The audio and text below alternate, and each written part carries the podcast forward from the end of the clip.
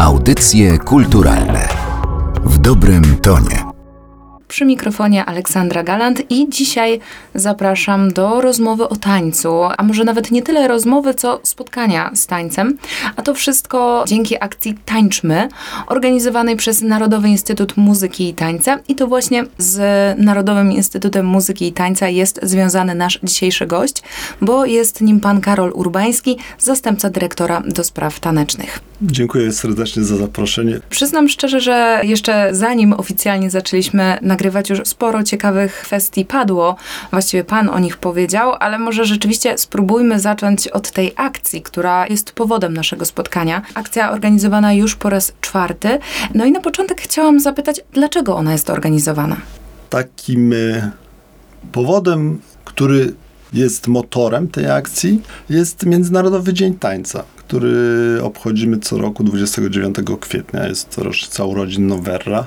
I wokół tego dnia jest skoncentrowana właśnie akcja Tańczmy. Ona się zaczyna przed Dniem Tańca, zaczyna się 22 kwietnia, a kończy się 6 maja. A Dzień Tańca jest w tej akcji punktem kulminacyjnym i tak jak pani powiedziała, Narodowy Instytut Muzyki i Tańca już po raz czwarty tę akcję organizuje, a jej główną ideą jest to, żebyśmy zrzeszali środowisko taneczne jako takie wokół idei obchodów Dnia Tańca. Sama nazwa Tańczmy, ona sugeruje właśnie, że nastawiamy się na ten wspólnotowy charakter i myślę, że w tej akcji jest to najważniejsze, ponieważ mogą się do niej włączyć zarówno instytucje artystyczne, szkoły, uczelnie, zespoły taneczne, organizacje pozarządowe, nieformalne grupy albo osoby fizyczne. Także tutaj to spektrum zaproszonych do tej akcji jest bardzo szerokie. I też zostawiamy bardzo dużą przestrzeń, jeżeli chodzi o to, w jakiej formule czy formie osoby, które się będą zgłaszać, czy instytucje chcą się do tej naszej akcji włączyć, bo chodzi o to, żeby przede wszystkim to było wydarzenie o charakterze tanecznym. I tutaj poprzez to rozumiemy zarówno wydarzenia artystyczne, takie jak spektakle, performance, czy to, co się z angielska nazywa site specific, a po polsku po prostu akcje w plenerze, ale też mogą być to wydarzenia edukacyjne, takie jak warsztaty, spotkania, konkursy taneczne, konferencje. Też, co jest ważne, mogą być to też wydarzenia o charakterze społecznym. Flashmoby, dżemy, czy eventy o charakterze społecznym. No i też to jest ta rzecz, która jest związana z czasami, w których żyjemy, które są ciągle czasami, mam nadzieję, że już postpandemicznymi, też mogą być to wydarzenia online. Taniec jako dziedzina sztuki także reaguje na to, jak zmienia się świat, na to, co w świecie się dzieje. No i nie inaczej jest w przypadku akcji Tańczmy. W tym roku solidaryzują się Państwo nie tylko z samym środowiskiem tanecznym, ale także z Ukrainą, z obywatelami Ukrainy. Poruszyła Pani bardzo ważną kwestię, bo w trakcie wszystkich edycji zawsze akcja Tańczmy jest akcją o bardzo radosnym charakterze. Ona jest skoncentrowana wokół Dnia Tańca, tak jak powiedziałem, ale ten charakter jest bardzo, bardzo radosny. Natomiast myślę, że no, nikt nie może się odwracać od sytuacji, która jest na świecie. Też tancerzy czy środowisko ludzi tańca na pewno się od tej sytuacji nie odwraca. I nawet myślę, że był taki moment zastanowienia, czy to jest czas na to, żeby akcję tańczmy realizować. Ale doszliśmy do wniosku, że tak, dlatego że poprzez taniec możemy wyrazić wszystkie emocje. Możemy wyrazić ból, możemy wyrazić rozpacz, możemy wyrazić empatię. Cały ten szeroki wachlarz uczuć, w zasadzie przez taniec wyrażamy wszystkie uczucia. Więc być może to święto tegoroczne, ta akcja będzie miała inny charakter, ponieważ właśnie będziemy wyrażać inne uczucia niż te, które do tej pory charakter tej akcji wywoływał jako takie najbardziej oczywiste. W tym roku ta akcja nie jest oczywista w tym sensie właśnie, że ona jest pewnego rodzaju refleksją poprzez ruch. Ona daje nam też szansę wyrażenia swoich uczuć, też wobec sytuacji, w której my wszyscy jesteśmy, a przede wszystkim wobec sytuacji, w której jest naród ukraiński, bo myślę, że to jest kluczowe i dlatego też chcemy, żeby ta akcja była wyrazem solidarności z narodem ukraińskim i chcielibyśmy, żeby ta solidarność znalazła swój wyraz na dwóch poziomach. Ja bym zaczął tutaj od poziomu artystycznego, takiego duchowego wsparcia. Chcielibyśmy wesprzeć naród ukraiński poprzez zachętę do tego, żeby wziąć udział w realizacji flashmoba zainicjowanego przez ukraiński portal taneczny balletristic.com. Flashmob ma formę improwizowanego filmu tanecznego. W tym konkretnym filmie tym, co jest znaczące, jest podkład, bo ten podkład to jest dźwięk alarmu lotniczego, który Mm. teraz rozbrzmiewa w wielu miastach przez 24 godziny na dobę. Jeżeli ktoś jest zainteresowany, żeby wziąć udział w tym flashmobie, to więcej informacji można o tym wydarzeniu znaleźć na portalu taniecpolska.pl. A druga forma wsparcia jest tą formą wsparcia na poziomie finansowym, ekonomicznym. Zachęcamy uczestników akcji Tańczmy do wpłat na specjalne konto Banku Gospodarstwa Krajowego, który utworzył je w imieniu Narodowego Banku Ukrainy.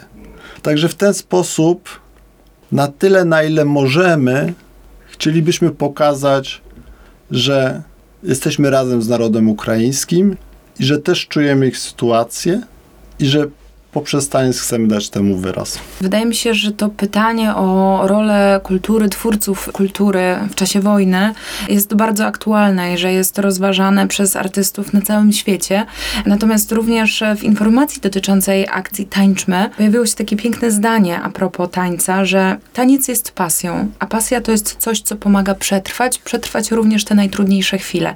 I myślę, że również dlatego, jeżeli mogłabym dodać coś od siebie, dobrze, że ta akcja się odbywa, że ona będzie miała miejsce. Zgadzam się z Panią. Poza tym to też jest pewnego rodzaju, myślę, wyzwaniem dla tych, którzy zdecydują się wziąć udział w naszej akcji. Właśnie w jaki sposób będą chcieli przełożyć na ruch to wszystko, co się dzieje wokół i to, co to, co się dzieje, budzi w nas.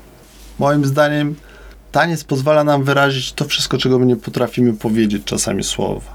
Ja to zawsze powtarzam, że Ludwik Wittgenstein powiedział, że o czym nie można mówić, o tym trzeba milczeć, a ja to przerabiam, że o czym nie można mówić, o tym trzeba tańczyć. Natomiast też ważna jest pewna równowaga i ta sytuacja, w której wojna na Ukrainie odbiera ludziom możliwość realizowania tej pasji. I wielu tancerzy właśnie w tej chwili nie ma możliwości realizowania tej pasji, bądź świadomie rezygnuje z realizowania tej pasji, ponieważ wojna inaczej ustawia życiowe priorytety i oprócz pokoju dla Ukrainy, jak najszybszego, tancerzom chyba należy życzyć, żeby mogli wrócić do tej pasji po tych wszystkich rzeczach, przez które muszą w tej chwili przechodzić.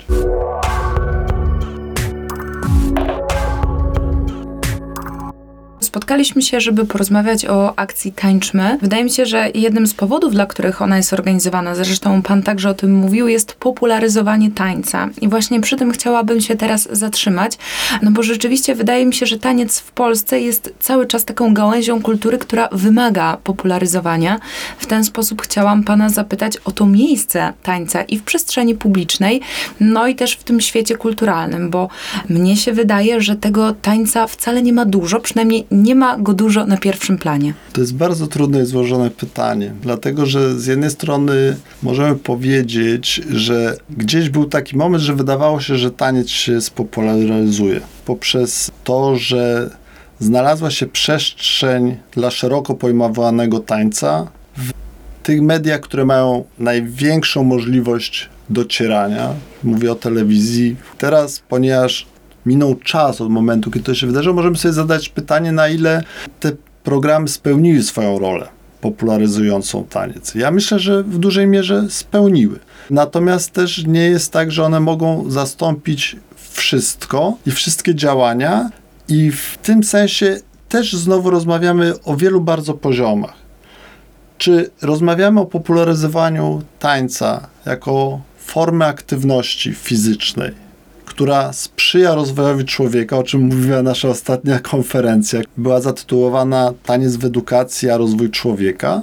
I tam my się zastanawialiśmy, to znaczy zaproszeni przez nas prelegenci, nad tym, w jaki sposób wprowadzenie tańca w edukacji powszechnej wpływa na rozwój młodych ludzi, na kształtowanie ich, które się potem przełoży na ich funkcjonowanie w życiu dorosłym. Też jakimś celem Narodowego Instytutu Muzyki i Tańca, który jest realizowany przez program Tańczmy w Szkole, jest to, żeby taniec znalazł swoje miejsce w edukacji powszechnej jako przedmiot, ale przedmiot praktyczny. Dobrze, że pan dodał praktyczne, bo moje pierwsze skojarzenie z tańcem w szkole to były tańce ludowe, tańczone przy okazji różnych akademii. No i później, jeżeli dalej myślałabym o swojej edukacji tanecznej w szkole, to już jest studniówkowy polonez. Ja myślę, że to jest tak, że dla wielu osób to jest studniówkowy polonez, tylko że właśnie, żeby móc tego studniówkowego poloneza zatańczyć kompetentnie, że tak powiem, to fajnie byłoby się go móc y, nauczyć wcześniej, ale tak jak pani słusznie zauważyła, to jest program, który jest rozwijany, który jest budowany i też jest bardzo wiele różnych podejść, czy bardziej nastawiać się na ekspresję, która jest swobodna poprzez improwizację, czy dążyć do tego, żeby bardziej te zajęcia miały program. Też jeżeli chodzi o taniec ludowy, to, o czym Pani wspomniała, to ja bym się go tak nie bał straszliwie, bo myślę, że to jest część naszego dziedzictwa narodowego. I taniec jest rodzajem języka, więc też poprzez to, że my nie tylko wiemy o naszych tańcach narodowych, ale chociażby potrafimy je rozpoznać, a już najlepiej potrafimy je zatańczyć, to to jest coś, o co wydaje mi się warto powalczyć. Zawsze mówię o takiej narodowej piątce, w bardzo pozytywnym znaczeniu słowa narodowa piątka, że Polonez, Mazur, Krakowiak, Oberek, Kujawiak to powinny być te nazwy, które każde dziecko powinno umieć wymienić w momencie, kiedy jest pytane o polskie tańce narodowe, a wiem z praktyki, że tak na razie nie jest. Raport, y, na który chciałabym się powołać i o którym chciałabym porozmawiać, dotyczy z kolei tańca współczesnego. Raport z 2009 roku, część raportu o stanie kultury, jego fragment dotyczący tańca współczesnego został opracowany przez Jadwigę Grabowską i Joannę Szmajdę. 2009 rok, czyli rok przed powołaniem Narodowego Instytutu Muzyki i Tańca. No, to będzie już kilkanaście lat. Panie po analizie środowiska tanecznego i tego, jak taniec funkcjonuje w Polsce, postawiły kilka wniosków i ja jestem ciekawa, jak odniósłby się pan do nich po tych kilkunastu latach. Czy coś się w tej kwestii zmieniło? Pozwolę sobie zacytować. Panie obawiają się, jak będzie wyglądała przyszłość tańca i rozwój tańca ze względu na słabe zaplecze instytucjonalno-edukacyjne. No ale rok po opublikowaniu raportu pojawił się Instytut. Rzeczywiście, jak pani powiedziała, bardzo wiele się zmieniło od tego czasu, dlatego że został powołany Narodowy Instytut Muzyki i Tańca. Mamy za sobą dwa kongresy tańca. Faktycznie jest z jednej strony tak, że taniec, jeżeli chodzi o infrastrukturę, taką do uprawiania tej formy sztuki, moim zdaniem w Polsce ma najsłabszą infrastrukturę. Trzeba dążyć do tego, żeby tę sytuację zmienić.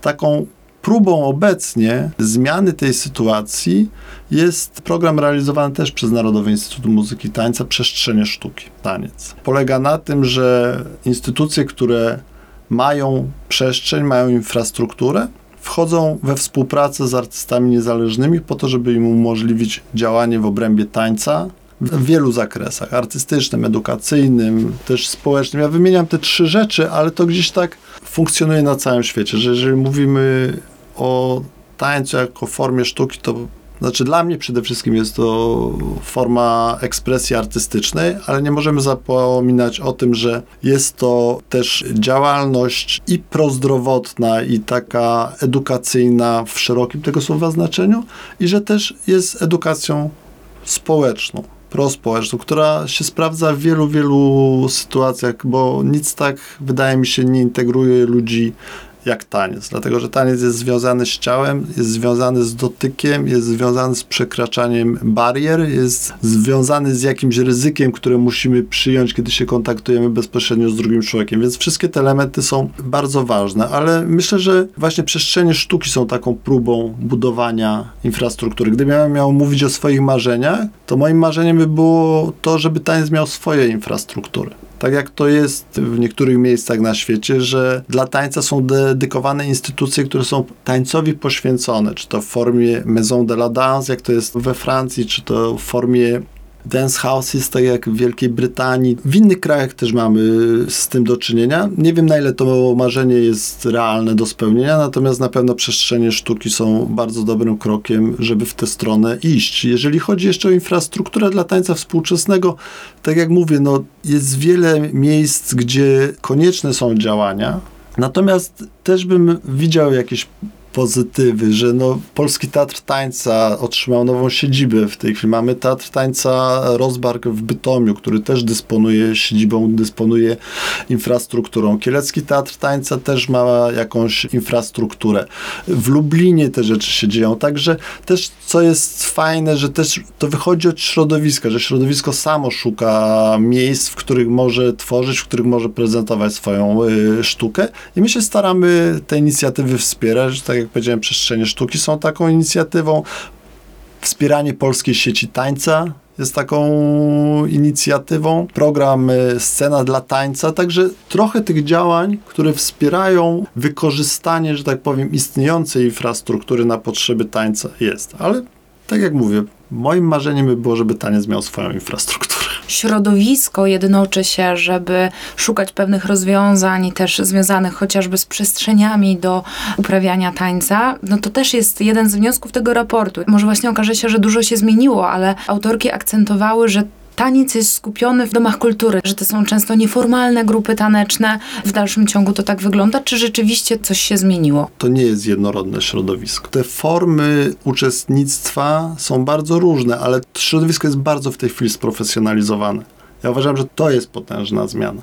Że środowisko tańca współczesnego jest sprofesjonalizowane w dużej mierze, że pojawiło się całe nowe pokolenie twórców, którzy swoją edukację taneczną zdobywali na uczelniach tanecznych na świecie, a od pewnego czasu mają możliwość zdobywania tej edukacji tanecznej na polskich uczelniach, w Bytomiu, w Katowicach, w Łodzi, w Poznaniu. Nie chcę znowu pominąć którejkolwiek z uczelni. Po prostu ta ścieżka się otworzyła. Też wydaje mi się, że taką ciekawą rzeczą jest to, że bardzo często absolwenci szkół baletowych szukają dla siebie dalszych możliwości rozwoju i gdzieś jest kontynuacja tej edukacji. I siłą rzeczy wydaje mi się, że pojawia się ta potrzeba, bo istniało takie pojęcie pokolenia solo, że polscy artyści głównie działali jako soliści. I dla mnie zawsze było pytaniem, czy to jest wybór artystyczny, czy to też jest pewien wybór wynikający z możliwości logistycznych, z miejsca, środków finansowych. I w tej chwili to, co ja dostrzegam, to dostrzegam taką potrzebę łączenia się w kolektywy, łączenia się w grupy, łączenia się w zespoły, mniej lub bardziej formalne. Jeżeli znowu mówimy o jakichś moich marzeniach, to ja chciałbym, żeby ten proces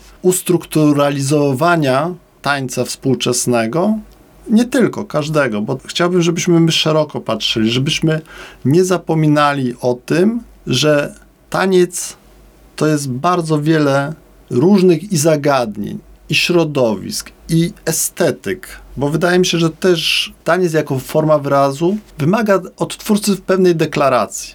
To jest świat, w którym chce się poruszać. I teraz pytanie jest, jakie są ramy dla tego świata? Tak ja bym nie zapominał o tancerzach, którzy są tancerzami wykształconymi klasycznie, którzy pracują w zespołach baletowych, które w Polsce najczęściej są częścią zespołu teatrów operowych, że to też jest część środowiska. Oni mają inne potrzeby, może mają inne estetyczne założenia, że tak powiem, ale też są częścią środowiska.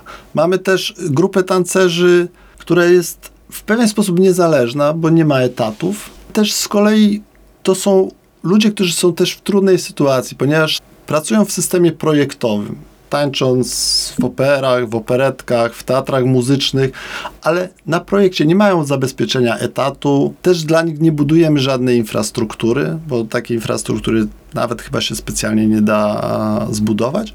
Mówię o tym, żebyśmy patrząc na środowisko widzieli te wszystkie elementy. To jest moim zdaniem ważne. Wracając do tańca współczesnego, to też widać, że są ośrodki, które mają bardzo długą historię i są bardzo zasłużone dla budowania i chwała im za to.